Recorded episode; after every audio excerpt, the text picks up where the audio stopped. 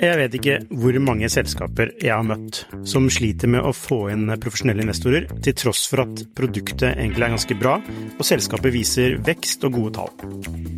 Hvis det er én ting de proffe investorene er på utkikk etter, i tillegg til at du bygger et bra selskap, selvfølgelig, er hvordan du håndterer dine aksjonærer, eller ditt såkalte captable, som det heter på startupsk. Et ødelagt captable setter rett og slett en stopper for selskapsutvikling. Unlisted.ai gjør det mulig for selskaper å håndtere aksje- og opsjonsprogrammer, aksjeeierboken, captable og det meste av rettigheter inn mot aksjene i selskapet på ett sted. Prøv unlisted.ai sin gratisversjon i dag.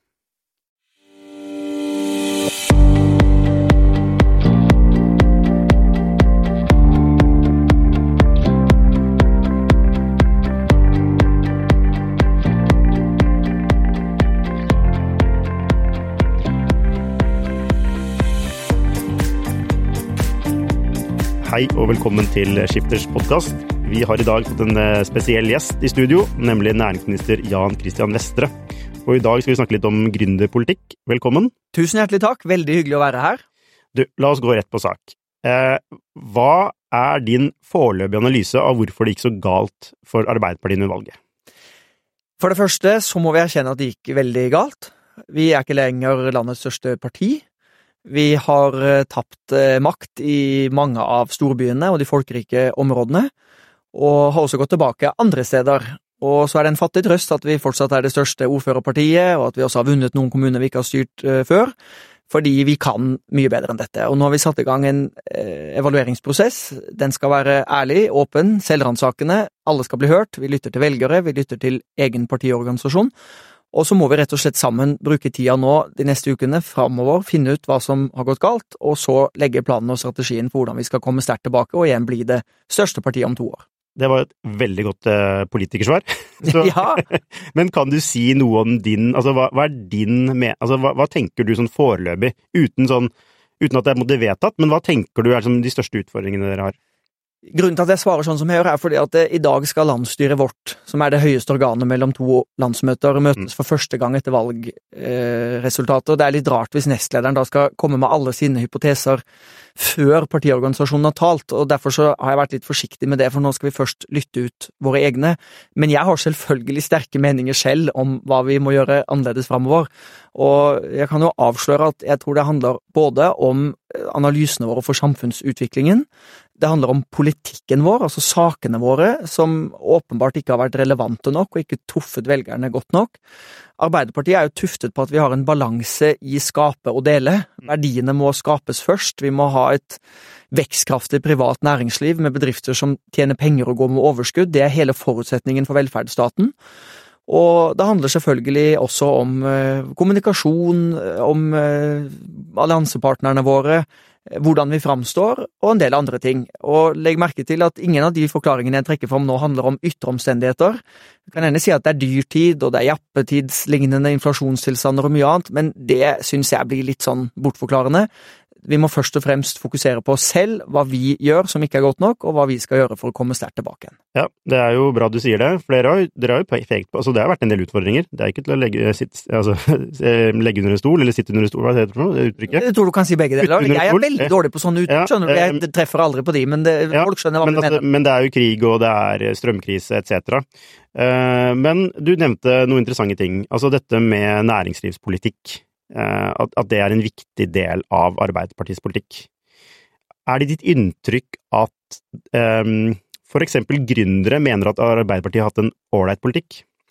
Nei, vi må styrke oss blant gründerne og ta tilbakemeldingene på alvor. Og jeg syns det er litt sårt, for å være helt ærlig, fordi jeg tror jeg er den første næringsministeren som kommer fra næringslivet. Og jeg er ikke gründer selv, men som 25-åring så tok jeg over ansvaret for familiebedriften, som da hadde kontor i en kjellerstue i et, et hus, eh, og som sammen med fremragende kollegaer i løpet av en tiårsperiode klarte vi å bygge til en vekstmaskin. Med salg til 30 land, stor eksportandel, investerte stort i høyautomatisert, bærekraftig produksjon i Norge. Så jeg har jo selv vært så heldig å få være med på denne reisen, fra lite selskap til internasjonalt selskap, altså bygge vekst. Og jeg forsøker jo å ta med meg den erfaringen, den kompetansen, alt det vi lærte der, inn i politikkutviklingen. Og hvis da norske gründere føler at det ikke treffer godt nok det regjeringen gjør for å legge til rette for at de skal få ha suksess, så har vi gjort noe feil. Og da må vi lytte, og så må vi justere kursen, og så må vi levere noe som er bedre for dem. Norske gründere skal vite at de har en næringsminister som forstår utfordringene de står overfor, som skjønner mulighetene som ligger i entreprenørskap, og som skal bruke hele verktøykassa vi har for å sørge for at flere av selskapene som unnfanges i Norge, kan bli store unicorns og lykkes både nasjonalt og globalt.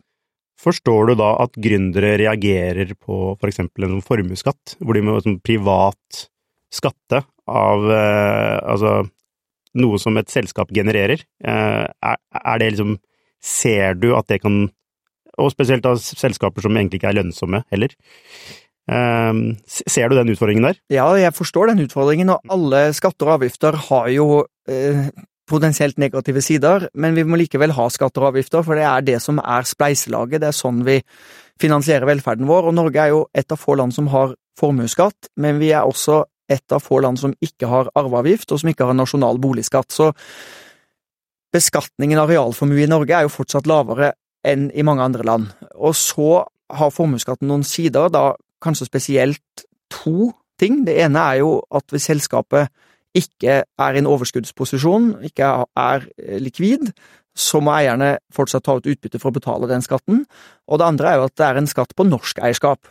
Så kan man jo innvende til den siste påstanden at ja, men nordmenn som bor i Norge nyter også godt av våre velferdstjenester og er en del av det norske spleiselaget.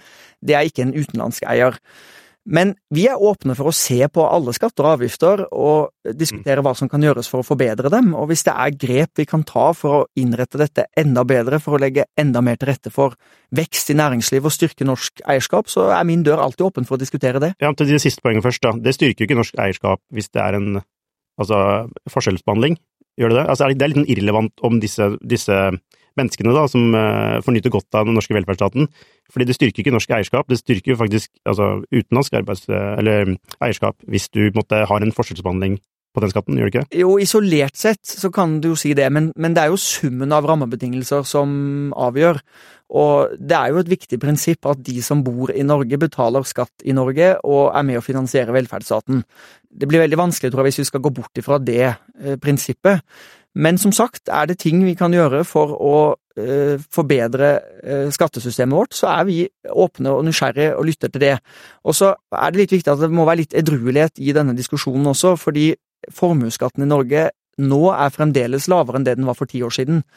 Og Norge var ganske godt for ti år siden, og vi hadde mange gründere for ti år siden, og det var høye investeringer også, og det er nå investeringsboom i norsk økonomi. Det har aldri vært putta mer penger inn i norske bedrifter, og vi ser at det både gjelder eh, norske selskaper og utenlandske selskaper. Ja. Så det går jo i sum godt, og, derfor så må man ikke krisemaksimere altfor mye, tror jeg. Nei, men det er jo sikkert riktig det du sier. Samtidig så er det jo en ganske sterk reaksjon mot det dere gjør.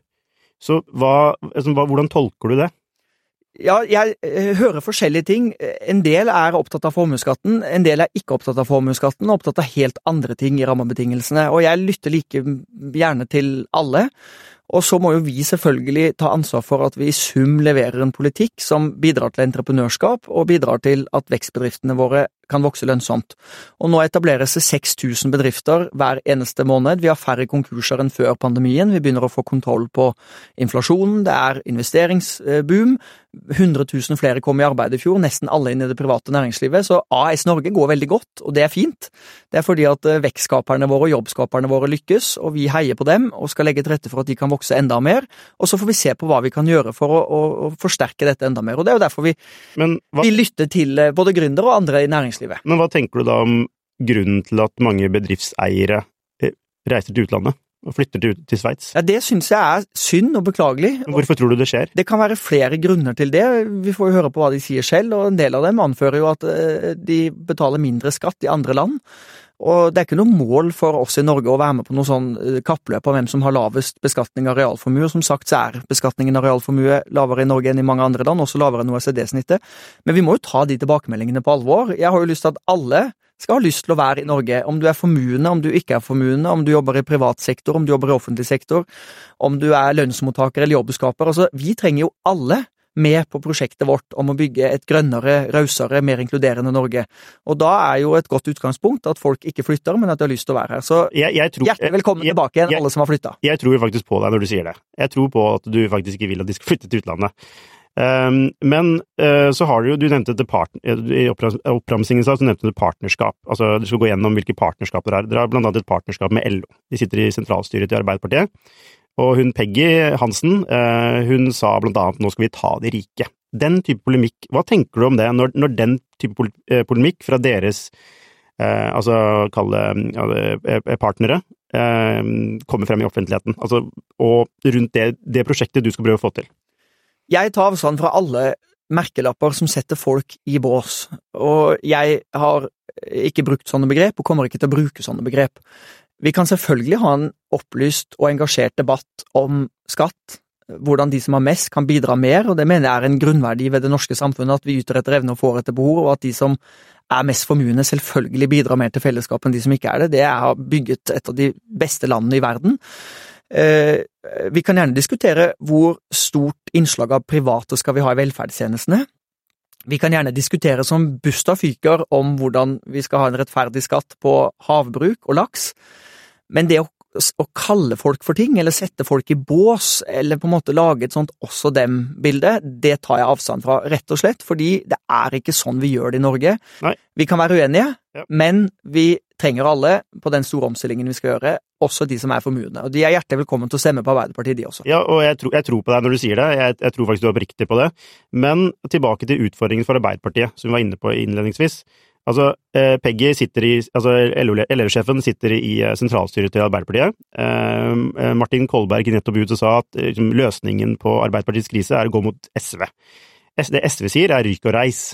Altså, eh, dette rundt partnerskap, er det en del av Altså, hvor viktig del av evalueringen vil det være? Det kommer vi selvfølgelig til å se på, ikke minst fordi at det er to år, under to år faktisk, til det neste stortingsvalget, og der har vi en klar ambisjon om å igjen bli det største partiet. Og da er det jo helt naturlig at vi også diskuterer eh, våre samarbeidspartnere og hva vi skal gå til valg på. Kan det bli aktuelt for Arbeiderpartiet å kaste ut LO fra sentralstyret?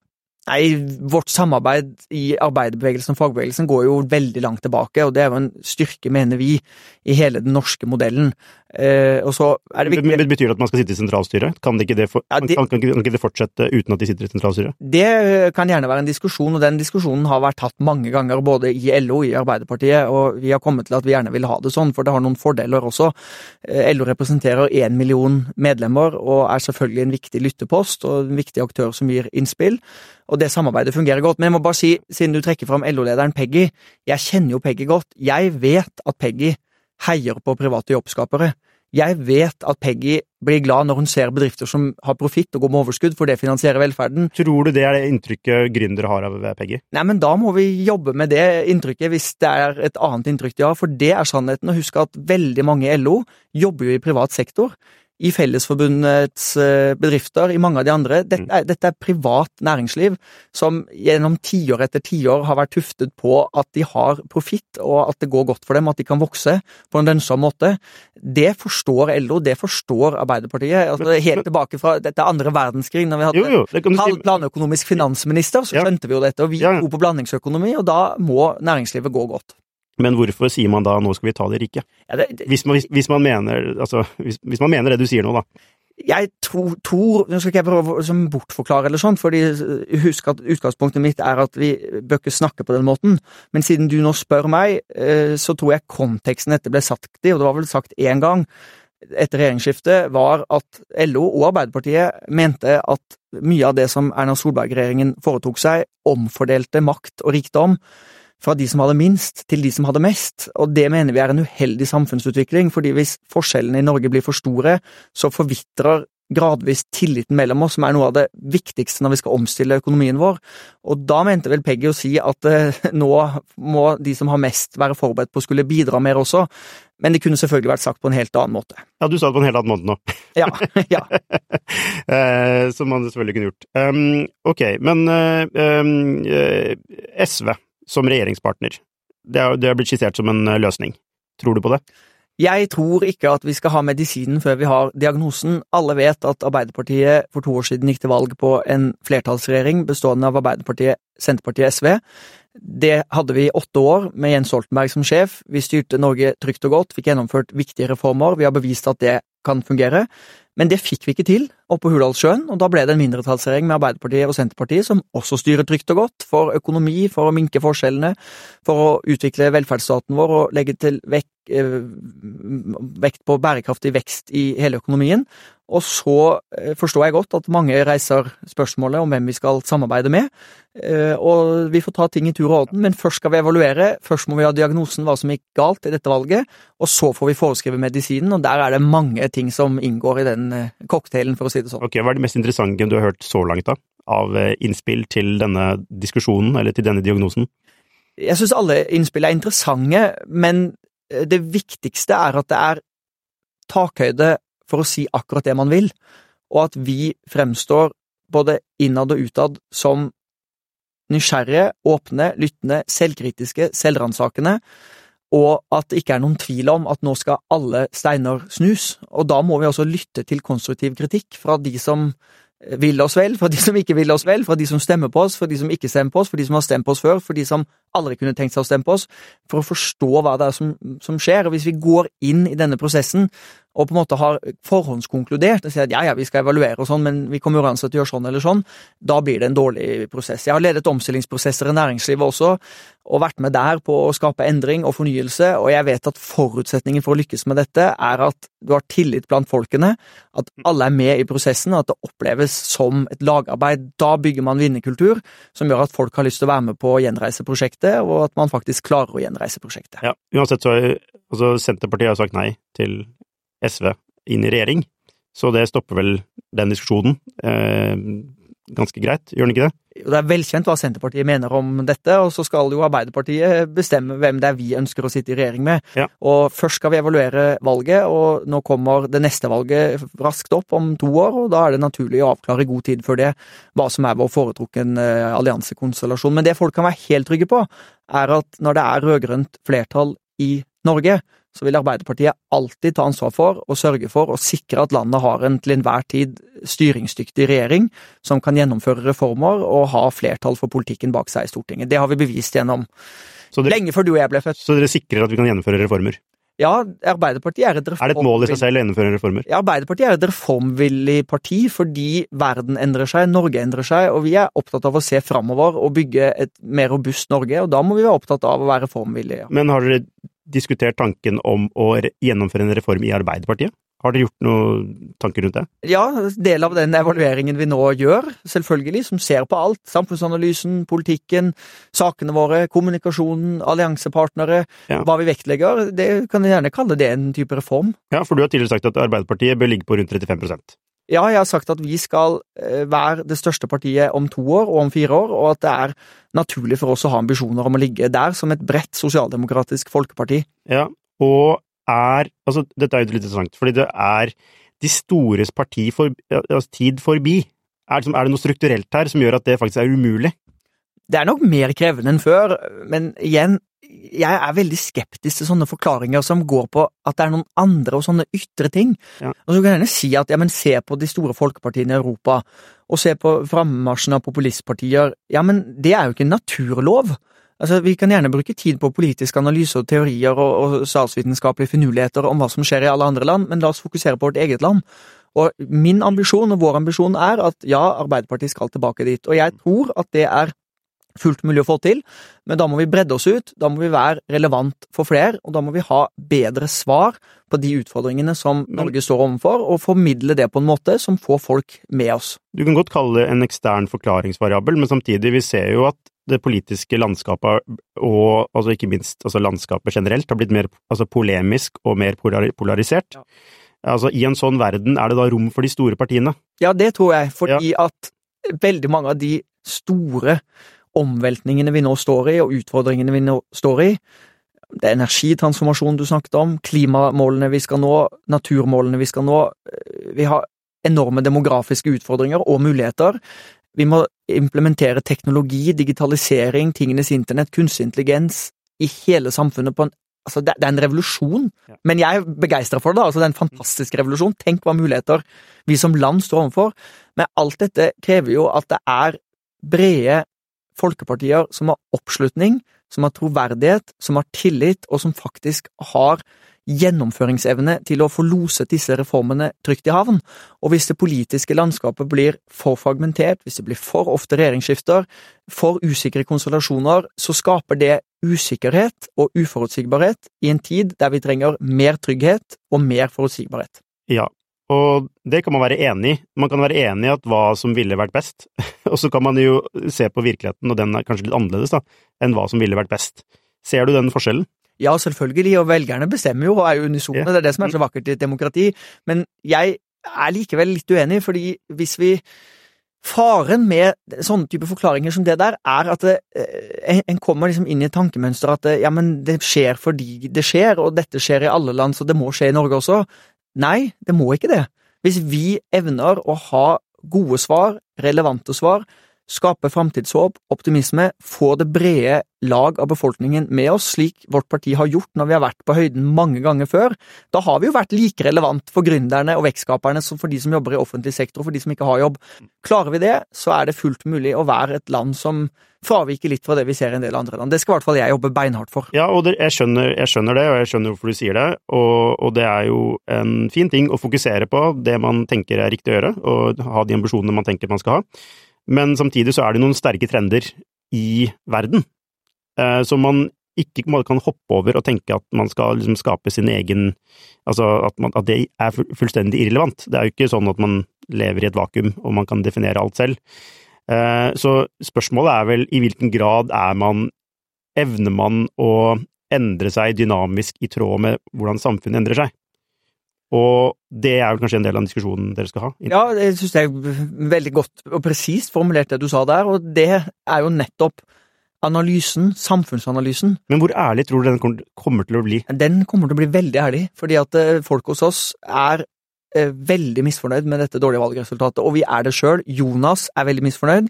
Tonje og jeg, som ble valgt som nestledere på landsmøtet bare for noen få måneder siden, er veldig misfornøyd. Vi har jo lyst til å få til mye mer enn dette. Altså, vi, vi går på jobb hver morgen, vi, for at eh, vi skal oppnå best mulig resultater og få gjennomført mest mulig politikk. Vi kommer ikke til å, å lene oss tilbake nå og si pytt, pytt, det går over og bare inflasjonen går ned, så kommer velgerne tilbake igjen. Ja, det er fint det, for vi kommer til å få ned inflasjonen og få kontroll, vi er i ferd med å gjøre det også, men, men det får være en bonus. Vi må først og fremst gå i oss sjøl, og der kommer det til å være takhøyde. Alle steiner skal vris, og alt og alle skal kunne diskuteres. Det kan eh, både Arbeiderpartiet være trygg på, og alle velgerne våre. Ok, Så hva vil du si Arbeiderpartiet bør lande på ved neste stortingsvalg? 35% Nei, det vil jeg ikke si nå, men jeg vil si at vi skal lande på å være størst, det største partiet. Hvorfor er det viktig å være størst? Jo, det er viktig for oss å være størst, fordi da kan vi gjennomføre politikk. Husk at det ligger i Arbeiderpartiets DNA at vi er et reformistisk parti Men som er en- forandrer Norge, og er- da må vi være store nok til å kunne få det gjennomført. Men den tanken om å være størst altså versus det å få gjennomført mest, kan det være to forskjellige ting? Ja, det kan jo være, om ikke to forskjellige ting, så kan det jo selvfølgelig ikke være størst, men likevel ha et flertall bak deg som gjør at du får gjennomført politikk. Men, men, men, men du spør, og jeg svarer Ja, på det du spør om, og, og vi, eh, det er målet vårt. Det skal vi jobbe for å få til. Mm, så du, vi skal ikke ha sånne Jagland-moment nå, hvor du sier eh, 35,3? Nei, det er ikke min jobb å gjøre, og det tror jeg ikke Jonas kommer til å gjøre heller, men det er der vi har, har ligget når vi har vært historisk gode, når vi har klart å, å ha en flertallsregjering med oss og, og gjennomføre god politikk for Norge, og jeg mener det må vi ha som ambisjon å komme tilbake igjen. Og Det kan kanskje være litt sånn næringslivsgenet som går med, da må vi ha KPI-er, og da må vi ha mål, og da må vi liksom tørre å sette en vekstplan. Ja. Kanskje en del i politikken vegrer seg litt for det, fordi at de tenker taktisk og er redd for at ja, men hva skjer hvis vi ikke når det målet, og kanskje blir litt politisk feige, men det får så være. Men- jeg er den jeg er. Ja, du nevner, du nevner mange altså, sånne transformasjoner som vi er i ferd med å gå gjennom. Samtidig så er Norge veldig avhengig av olje og, og råvarer. Eh, og hvor det, hvor det er et mål at man kanskje kan bli mer avhengig av mer fornybar eh, tek, altså energi, og, og ikke minst teknologi. Da, et mer bærekraftig teknologisk eh, samfunn og økonomi. Eh, I dette her så mener jo vi Skifter at gründere har en særdeles særstilling i å skape det nye, altså fremtidige næringslivet. Hvorfor er ikke gründerpolitikk det viktigste Arbeiderpartiet gjør? For det første så er jeg helt enig med deg i at eh, gründere og entreprenører er veldig viktig for dette skiftet. Og så mener jeg at vi har en god gründerpolitikk. Vi kan snakke mer detaljert om den. ja. Men jeg vil at den skal bli enda bedre, og nå er vi midtveis i denne regjeringsperioden. Vi har brukt mye tid på grønt industriløft, havvindutbygging, batteristrategi, mineralstrategi, helsenæring. Altså, vi, vi, måtte begynne et sted. Det var, det var ikke akkurat en aktiv næringspolitikk jeg tok over, og det er jeg opptatt av å gjennomføre. Jeg vet ikke hvor mange selskaper jeg har møtt som sliter med å få inn profesjonelle investorer, til tross for at produktet egentlig er ganske bra, og selskapet viser vekst og gode tall. Hvis det er én ting de proffe investorene er på utkikk etter, i tillegg til at du bygger et bra selskap, selvfølgelig, er hvordan du håndterer dine aksjonærer, eller ditt såkalte captable, som det heter på startupsk. Et ødelagt captable setter rett og slett en stopper for selskapsutvikling. Unlisted.ai gjør det mulig for selskaper å håndtere aksje- og opsjonsprogrammer, aksjeeierboken, captable og det meste av rettigheter inn mot aksjene i selskapet på ett sted. Prøv unlisted.ai sin gratisversjon i dag.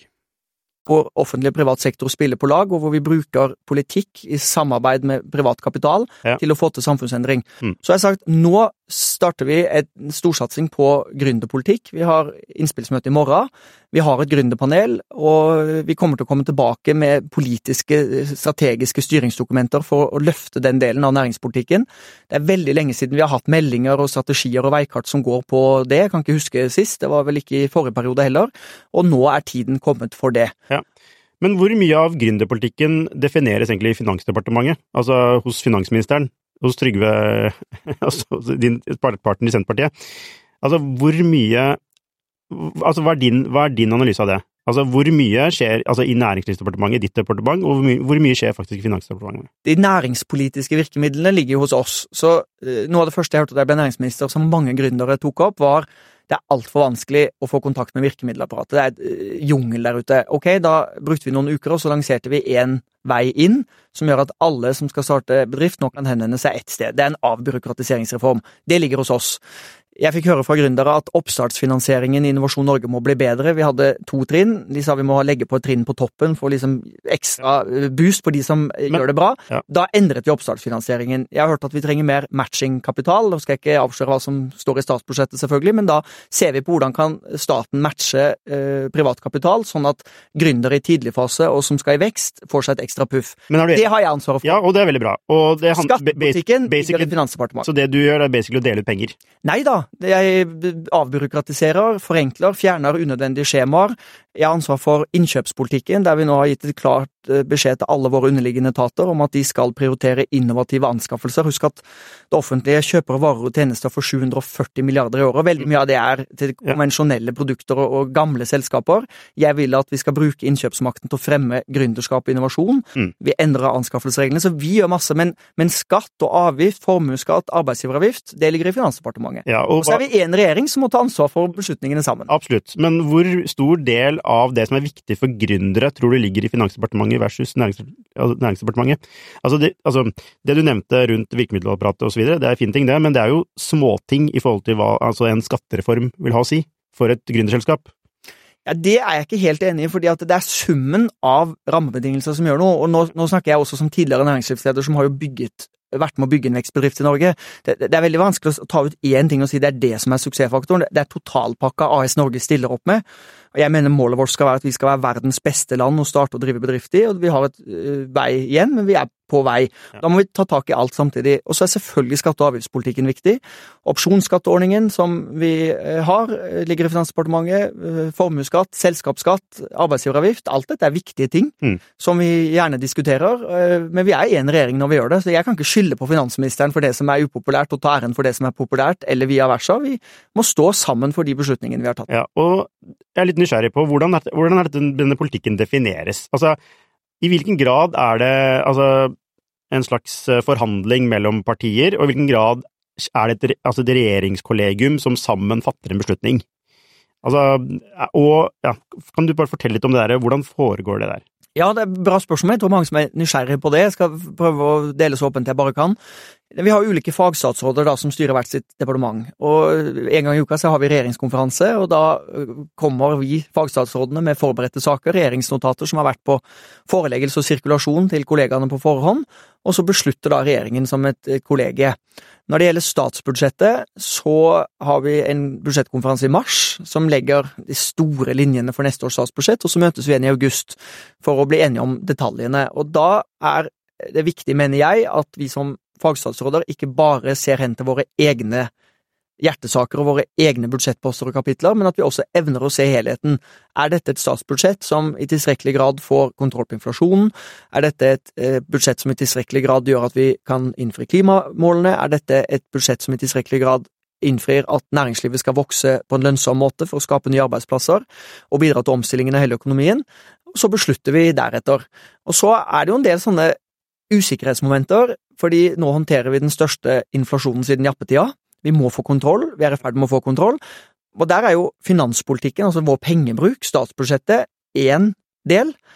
Og så har vi Norges Bank pengepolitikk, rentefastsettelsen, gass og brems, én ting, og så er det jo inntektspolitikken, samarbeidet mellom partene, lønnsoppgjørene, og alt dette skal jo forsøke å trekke i samme retning, så der kan jo regjeringen ha en klar analyse og en klar plan eh, for dette, men det er veldig viktig at alle de områdene trekker i samme retning. Jo, men i hvilken grad er det et kollegium som jobber sammen, eh, og i hvilken grad er det ulike interesser som har eh, Altså, altså hvis du skal prøve å beskrive hvordan det er? Ja, fagstatsrådene ivaretar jo sine kjernesaker, men som jeg prøvde å si, da, så er det jo viktig altså En god statsråd, mener jeg, evner å se helheten også. Jo, men er alle gode statsråder? Eh, ja, det mener jeg de er. Eh, og, og så Eksempler på det, da. Jeg kan ikke fortelle liksom fra interne budsjettdiskusjoner og budsjettkonferanser, men, men, men, men, eh, jeg tror hver eneste budsjettkonferanse jeg har vært på, så har jeg argumentert også for andre fagstatsråder sine satsinger. Ja, sånn fordi jeg du... mener det er bra næringslivspolitikk. Ja. For min del handler det ikke om mest mulig penger til mitt departement, men det handler om et, et total virkemiddelpakke, rammebetingelsepakke som gjør at bedriftene våre kan vokse, og hvis det også ligger på andre fagstatsråders område, så flott. Jo, men er det sånn at du Altså kollegiet. Ja, ok. Representerer du, kall det, bedriftene inn i altså, altså regjeringsdiskusjonene? Altså når, når Finansdepartementet kommer med formuesskatt og arbeidsgiveravgift på de som har inntekt over 750 000, argumenterer du mot det da, fra ditt perspektiv? Eller, eller, eller hvordan fungerer det? Altså, Jeg er jo ikke næringslivets mann i regjeringen, men jeg kommer fra næringslivet ja. og har med meg bakgrunnen og erfaringen derfra, og selvsagt så målbærer jeg jo da det jeg tror bedriftene tenker. Men det betyr også Og Hva, hva målbærte du da i den, disse konkrete diskusjonene? Nei, Det er unaturlig å gå inn på, fordi at vi eh, står sammen om de beslutningene vi har tatt. Når det gjelder, bare for å ta de to tingene, da, på formuesskatten. Vi gikk til valg på å øke formuesskatten noe. Den er fortsatt lavere enn for ti år siden, så det kan ikke være noen overraskelse at eh, det mener vi.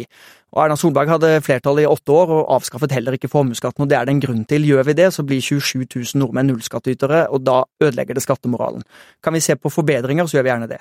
Når det gjelder den ekstra agaen, så er det ingen av oss som liker den, altså ekstra arbeidsgiveravgift. Og det var et situasjonsbestemt tiltak vi innførte i møte med stor inflasjon fordi vi måtte dempe presset i økonomien noe. Nå er vi i ferd med å lykkes med det, inflasjonen har nå falt flere måneder på rad, og Norges Bank sa senest i forrige uke at vi nærmer oss rentetoppen. Det er positivt. Det... det... klarte vi ikke på 80-tallet, for å si det sånn. Da hadde vi renter på 17-18 ja, da, Jo da, men altså, arbeidsgiveravgiften. Var det feil å gjøre det på den måten? I sett i ettertid? Nei, det var riktig. Statsbudsjettet som ble lagt fram, tatt til betraktning den økonomiske situasjonen da, og så kan jeg alltid diskutere ja, men denne øh, inn, innsteget på 750 000, skulle man heller gjort det for alle? Ja, kanskje, men vi må ha litt edruelighet også. altså Bare ta tallet, da. En, en, inntekt på 800 000, så snakker vi altså om 200 kroner ekstra arbeidsgiveravgift i måneden. Så at, at, dette skal være det viktigste vilkåret for norsk næringsliv, Mens, det er jeg enig i. Ja, altså Det kan du godt si. Samtidig så er det jo noe med prinsippet her om at mange teknologiselskaper har jo høykompetent arbeidskraft for å kunne utvikle teknologi, og, og mange av de er ikke lønnsomme engang, men så skal de ø, få økt altså arbeidsgiveravgift. Det, det, er noe med prinsippet her som ikke klinger så godt. Nei, men uh, man kan liksom ikke ta én del av rammebetingelsene ut og ikke se hen til helheten, fordi da kan man argumentere for at alt burde vært enig i vekstbedriftene da, men da hadde vi ikke hatt et spleiselag og en velferdsstat, så igjen, du må se summen av rammebetingelser. Ja, Og når vi nå har investeringsrekorder, det etableres veldig mange nye selskaper, det går godt for mange, så er det i hvert fall ikke grunnlag for svartmaling. Men den ekstra arbeidsgiveravgiften, den skal jo bort. Og vi har vært helt tydelige på det, at vi liker den ikke, og vi skal fjerne den. Og vi kommer til å komme tilbake til det i statsbudsjettet nå i løpet av få dager, så vil folk se at vi, vi holder det vi har sagt vi skal gjøre. Men jeg vil ha lyst til å være ærlig med deg om en ting, for du spurte om er du næringslivets mann, og målbærer du næringslivets interesser? Ja, det kan jeg garantere at jeg snakker selvfølgelig på vegne av norsk næringsliv. Men husk at når du har vært næringslivsleder og vært med på en vekstreise, så har jeg også et litt nøkternt og nyansert syn på det jeg får høre. Og det betyr at jeg er ikke sånn at alt det bedriftene forteller meg, er jeg nødvendigvis enig i. Eh, Var du ikke, var du ikke enig? for eksempel mener jeg at debatten om formuesskatt er overdrevet. Da jeg var leder av familiebedriften Vestre, så var jeg på NHO sin årskonferanse og holdt innlegg.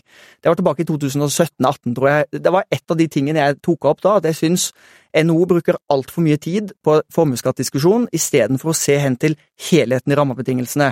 Da hadde vi god kronekurs, det har vi fortsatt for eksportbedriftene. Vi har høykompetent eh, arbeidskraft, vi er et veldig omstillingsdyktig samfunn, vi har høy tillit, vi har god anseelse ute, vi har fornybar kraft, vi har naturressurser, vi er gode på innovasjon. Men Bruker mer tid på dette. Dette sa jeg også som næringslivsleder. Ja, Og er er, er, det er jo ditt privilegium eh, som minister også, eller som en del av et regjeringskollegium, å definere hvordan det skal være. Det er jo det, Og så er det jo på en måte velgernes privilegium å, velge, å stemme.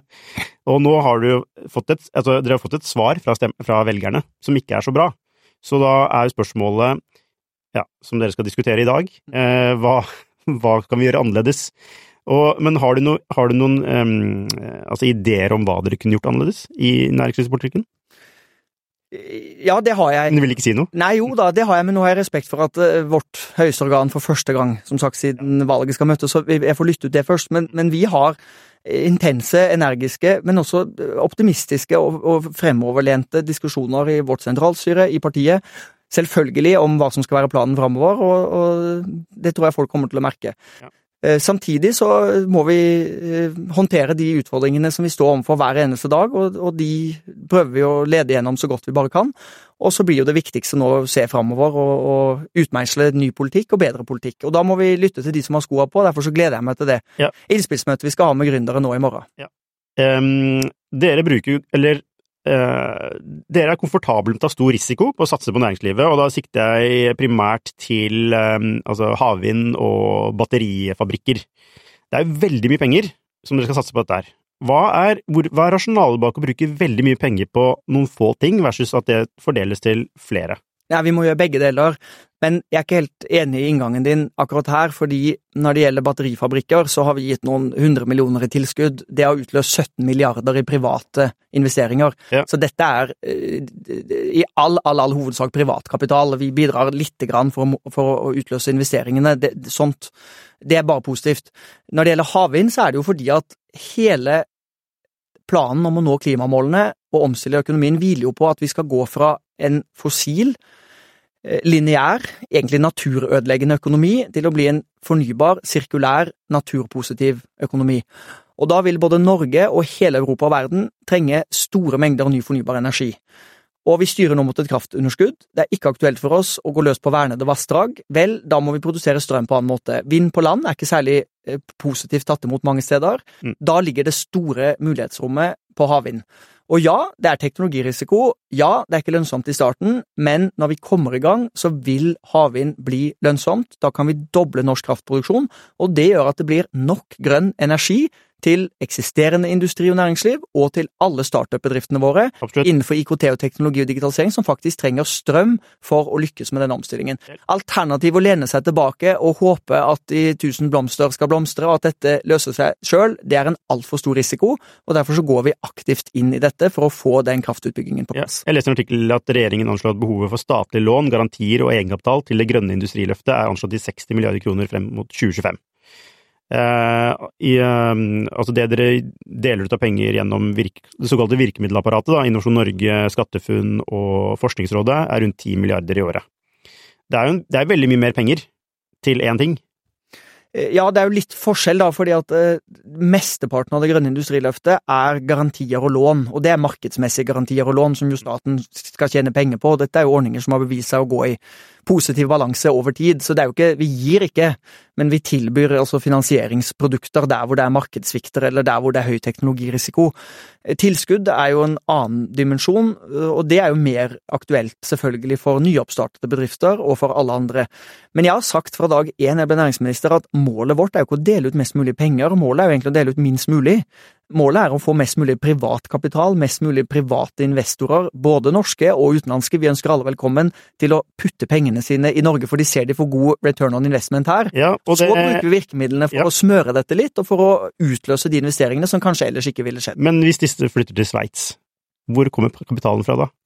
Det er jo litt sånn, sånn det, er, det er Veldig retorisk, jeg er helt enig. Eh, litt sånn sleipt, egentlig. Også, Nei, det, du er ikke sleip. Ja, men, Hvor mange tenker som deg? Men, men poenget er at altså, det, altså, hvis vi ser da fra andre økosystemer eh, rundt om i verden, altså Sverige, Silicon Valley etc., så handler det faktisk om at det er rike mennesker som putter penger inn i startups og inn, inn i gründerselskaper. Altså, det er, man er avhengig av det og man har ikke, ikke fått den Man har begynt, man har begynt å se tendenser i det. Altså Det interessante er at gründere som tjener penger på bedriften sin, det de, bruker penger, det de bruker de pengene til, det er å reinvestere i andre gründerbedrifter. Men når de da flytter til Sveits, altså når, når, når, det er en oppfatning om at det ikke er riktig å bo i Norge, um, så mister man jo tilgangen på Eller man mister jo den nærheten til den kapitalen. Ser du, det, ser du den utfordringen der? Det kan være en utfordring, men husk at mange av de som skatter til et annet land, investerer fortsatt pengene sine i Norge. Det er jo ikke noen uh, automatikk i at de da også investerer i alle andre uh, land enn i Norge. Jo, men det blir mer på et overordnet Altså, eh, det vi ser, er at eh, investorer investerer i ting de kjenner til. Mm. Og jo mer man er eksponert for noe, så lettere er det å investere i det. Altså, investorer i Oslo investerer i Oslo-selskaper, investorer i Bergen investerer i Bergen-selskaper, selv om ideelt sett så kunne man investert på tvers. Så det er noe med geografisk nærhet, det betyr noe. Er du, er du, kan du være enig i den? Eh, ja, det kan gjøre det, men, men igjen, altså empirien nå det Fare for å gjenta det, for det er litt kjedelig, da, men det, det, har aldri vært investert mer i norske selskaper enn nå. Det, det, det er fakta på bakken. Gå inn på ssb.no, så får du se at det er all time high investeringsboom. Og da mener jeg at når det går godt, så må vi diskutere hvordan sørger vi for så, Da er jeg litt sånn, og det er samme når du bygger en vekstbedrift. ikke sant? Når du får traction og det går bra, det er ikke da du skal bremse opp og begynne å si at nå trenger vi litt mindre Salesforce og nå må vi liksom sakke, ut, sakke ned på ambisjonene. Det er jo da du skal ha flybensin på bålet, sånn at du liksom blir en eksplosjonsartet vekst. Det er poenget. Så dette er ikke noe hvilepute eller si at ja, det går så godt i makrotallene at nå kan vi liksom slakke av. Nei, det er derfor jeg sier velkommen tilbake. Invester i Norge, her får dere god ROI. Er det noe vi kan gjøre for å bedre rammebetingelsene ytterligere? Se på skattene, se på rammebetingelser. Altså, er dere villige til, til, å se på de skattene? Yes, som jeg har sagt flere ganger nå, jeg har sagt i andre intervjuer også, ja. vi vil til enhver tid være opptatt av hvordan kan vi forbedre rammebetingelsene og sørge for mer vekst, og den må være grønn. Det har vi ikke snakka så mye om nå, mm. for det er jo den eksistensielle krisen vi står overfor. Det er klima- og naturkrisen. Så vi må også vri innsatsen over og mobilisere grønne investeringer som gjør at vi kan, kan bli en, en, en, sirkulær, fornybar, naturpositiv eh, økonomi. Da kan vi etterlate noe til våre eh, etterkommere som vi kan være stolte av alle sammen. Og dette er langt over partiskillelinjene, altså nå snakker vi om hvilket land vi skal være. Ja, ok. Vi skal uh, begynne å avrunde. Um, jeg er litt nysgjerrig på den rollen du hadde før du ble næringslivsminister, eller næringsminister, som det fint heter. Du var jo daglig leder i Vestre, mm -hmm. som er en møbelfabrikk, som har gjort det veldig bra. Hva, hvilke, altså, hvordan, det, hvordan, er det å liksom utvikle en bedrift? Altså, hva, hva, hvordan, det, hvordan var det for deg? Altså, Det kunne vi snakka en hel episode om, for det var det gøyeste jeg har vært med på. Men jeg skal prøve å fatte meg i korthet. Altså, For det første, dette er en familiebedrift som opprinnelig ble starta av min bestefar i Haugesund i 1947. Gikk konkurs under bankkrisen i 1988. Mine foreldre flytta til Oslo. Meg på slep, halvannet år. Storesøstera mi 13 år. Starta egentlig helt på nytt på bar bakke. Var veldig tøffe år, gikk veldig dårlig. Så jeg vet hva det betyr å gå konkurs. Jeg har opplevd å Eh, det gå konkurs, og det nederlaget er, hvor sviende det er. Men jeg har også fått vært med på gjenreisning. Og så, da jeg var 25 år, jobba jeg på Stortinget, var opptatt av politikk, drev med politikk. Pappa ble sjuk, kreft, døde ganske brått. Og noe av det siste jeg fikk si var til pappa, at jeg, jeg hopper inn i familiebedriften. Jeg hadde ikke noe særlig utdanning, hadde vokst opp med dette, visste ikke så mye om det, men ta, dette er for spennende til at vi, vi må liksom bygge det opp. Og da var fundamentet lagt, men, men, det var ikke noe særlig vekstambisjoner, det var nesten ingen eksport. Så jevnt og trutt, men, men, ikke noe særlig mer enn det. Og Da la vi inn veldig offensiv vekstplan med en gang sa vi skal bli størst i Europa på det vi driver med. Vi skal bevise at det er fullt mulig å lykkes med avansert produksjon i høykostland som Norge. Eh, og motbevise litt den der tesen at eh, det er, alt det skal flyttes til lavkostland, og vi skal være anerkjent som mest bærekraftig i verden på det vi holder på med, sirkulære forretningsmodeller. Og det fikk jeg gjøre i ti år. Utrolig spennende. Eh, vi hadde mottoet sove godt om natta og ha det gøy om dagen, og det betydde ta risiko. Mm tenke stort, men ikke mer risiko til at vi også kunne trygge arbeidsplassene. Investerte egentlig all likviditet og overskuddskapital inn i vekst, og da jeg slutta, så hadde omsetningen flerdobla seg. Bare et 30 land. Og, nei, det er ikke enkelt, men det er liksom Hva skal til? Du må ha en visjon og en drøm. Ja, ja, du må være villig til å jobbe beinhardt. Det mm. er Av og til så leser vi på forsida av DN og Finansavisa liksom 'ble milliardær over natta'. Mm. Ikke det, vet du.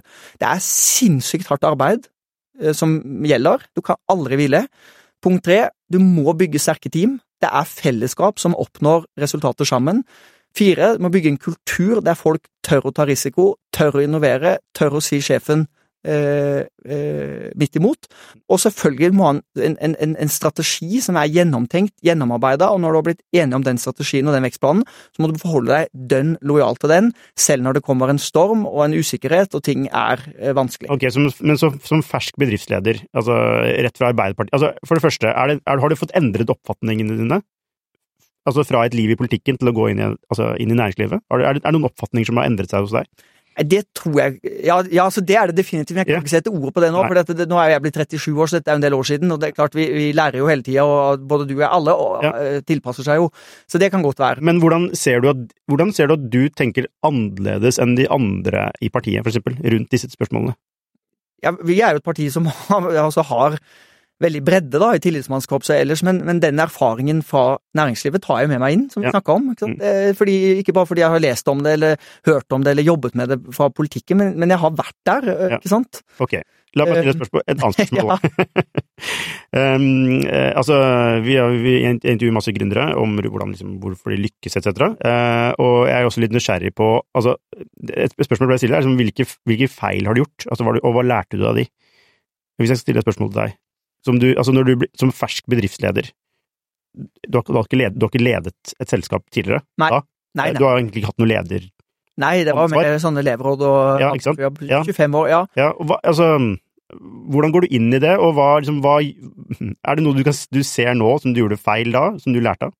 Eh, ja, det er flere ting. For å nevne to av dem, da, så tror jeg for det første Eh, det er veldig bra å være utålmodig og ville veldig mye, og energi og optimisme og liksom sånn glød, det, det kan aldri bli sett på som negativt. Det mener jeg er forutsetning for å få med seg, få med seg folk. Men, men, det ble kanskje i starten litt mye all over det. Vi skulle gjøre alt på en gang. Og, og det kan skape litt usikkerhet i organisasjonen, men, men også litt sånne målkonflikter. Så eh, hadde jeg gjort den reisen på nytt igjen nå, så hadde jeg kanskje vært litt mer opptatt tidligere av å prioritere én, to, tre. Eh, og det andre var at eh, vi eh, la til rette for veldig rask vekst, og vi leverte veldig rask vekst, og vi klarte å levere lønnsom vekst, men vi vokste så fort at ikke alle deler av organisasjonen klarte å, å følge med. Og vekst er krevende uansett, men det er litt forskjell. Hvis du utvikler en genial app, så kan du liksom skalere opp volumet globalt, altså milliarder av nedlastinger, eller i hvert fall hundrevis av millioner, veldig fort. Mm. Det er enkel skalering. Driver du med produksjon, så skal du ha et helt produksjonsapparat som henger med, og det brant vi oss på, og fikk lange leveringstider og sure kunder, og fikk liksom en ripe i lakken. Men det klarte vi å gjøre noe med også. Så mm, det er i hvert fall to ting. Ja. Eh, Jan Christian Vestre, tusen takk for at du kunne komme hit eh, og mm, la deg eh, intervjue eh, til denne podkasten. Um, det blir jo spennende å høre hva dere kommer frem til i dette eh, møtet rundt evalueringen av Arbeiderpartiet.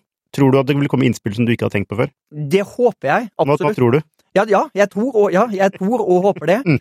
Uh, og jeg gleder meg til vi skal verksette det. Jeg er toppmotivert for dette, og det er en utfordring og en fantastisk spennende mulighet. Uh, og sammen med gründere, entreprenører, jobbskapere, næringslivet i Norge, og lage en aktiv, uh, fremoverlent næringspolitikk som bidrar til at Norge når de målene vi har sammen. En sånn en ting noen, altså en sånn ledelsesgimmick da, som noen pleier å gjøre, er å si ok, Eh, la oss se tre år frem i tid, Nå, for ditt tilfelle blir det to år frem i tid, da, neste valg, eh, og så, og så, og så feila vi. Og, og, så skal man nå prøve å nå definere grunnene til at man feila. Så hvis du skal se to år frem i tid, og dere feiler i, i, i, valg, under valget, hva vil du si var tingene dere gjorde galt nå, da? Jeg kan si én ting, og Mm. det er at da traff ikke svarene våre. da for, dårlig, for dårlig diagnose? Ja, det kan Og- være for dårlig diagnose, men det kan også være riktig diagnose, men feil medisin. Medisin? Ja. Men da traff ikke svarene våre. Men eh, det, det skal ikke skje, altså.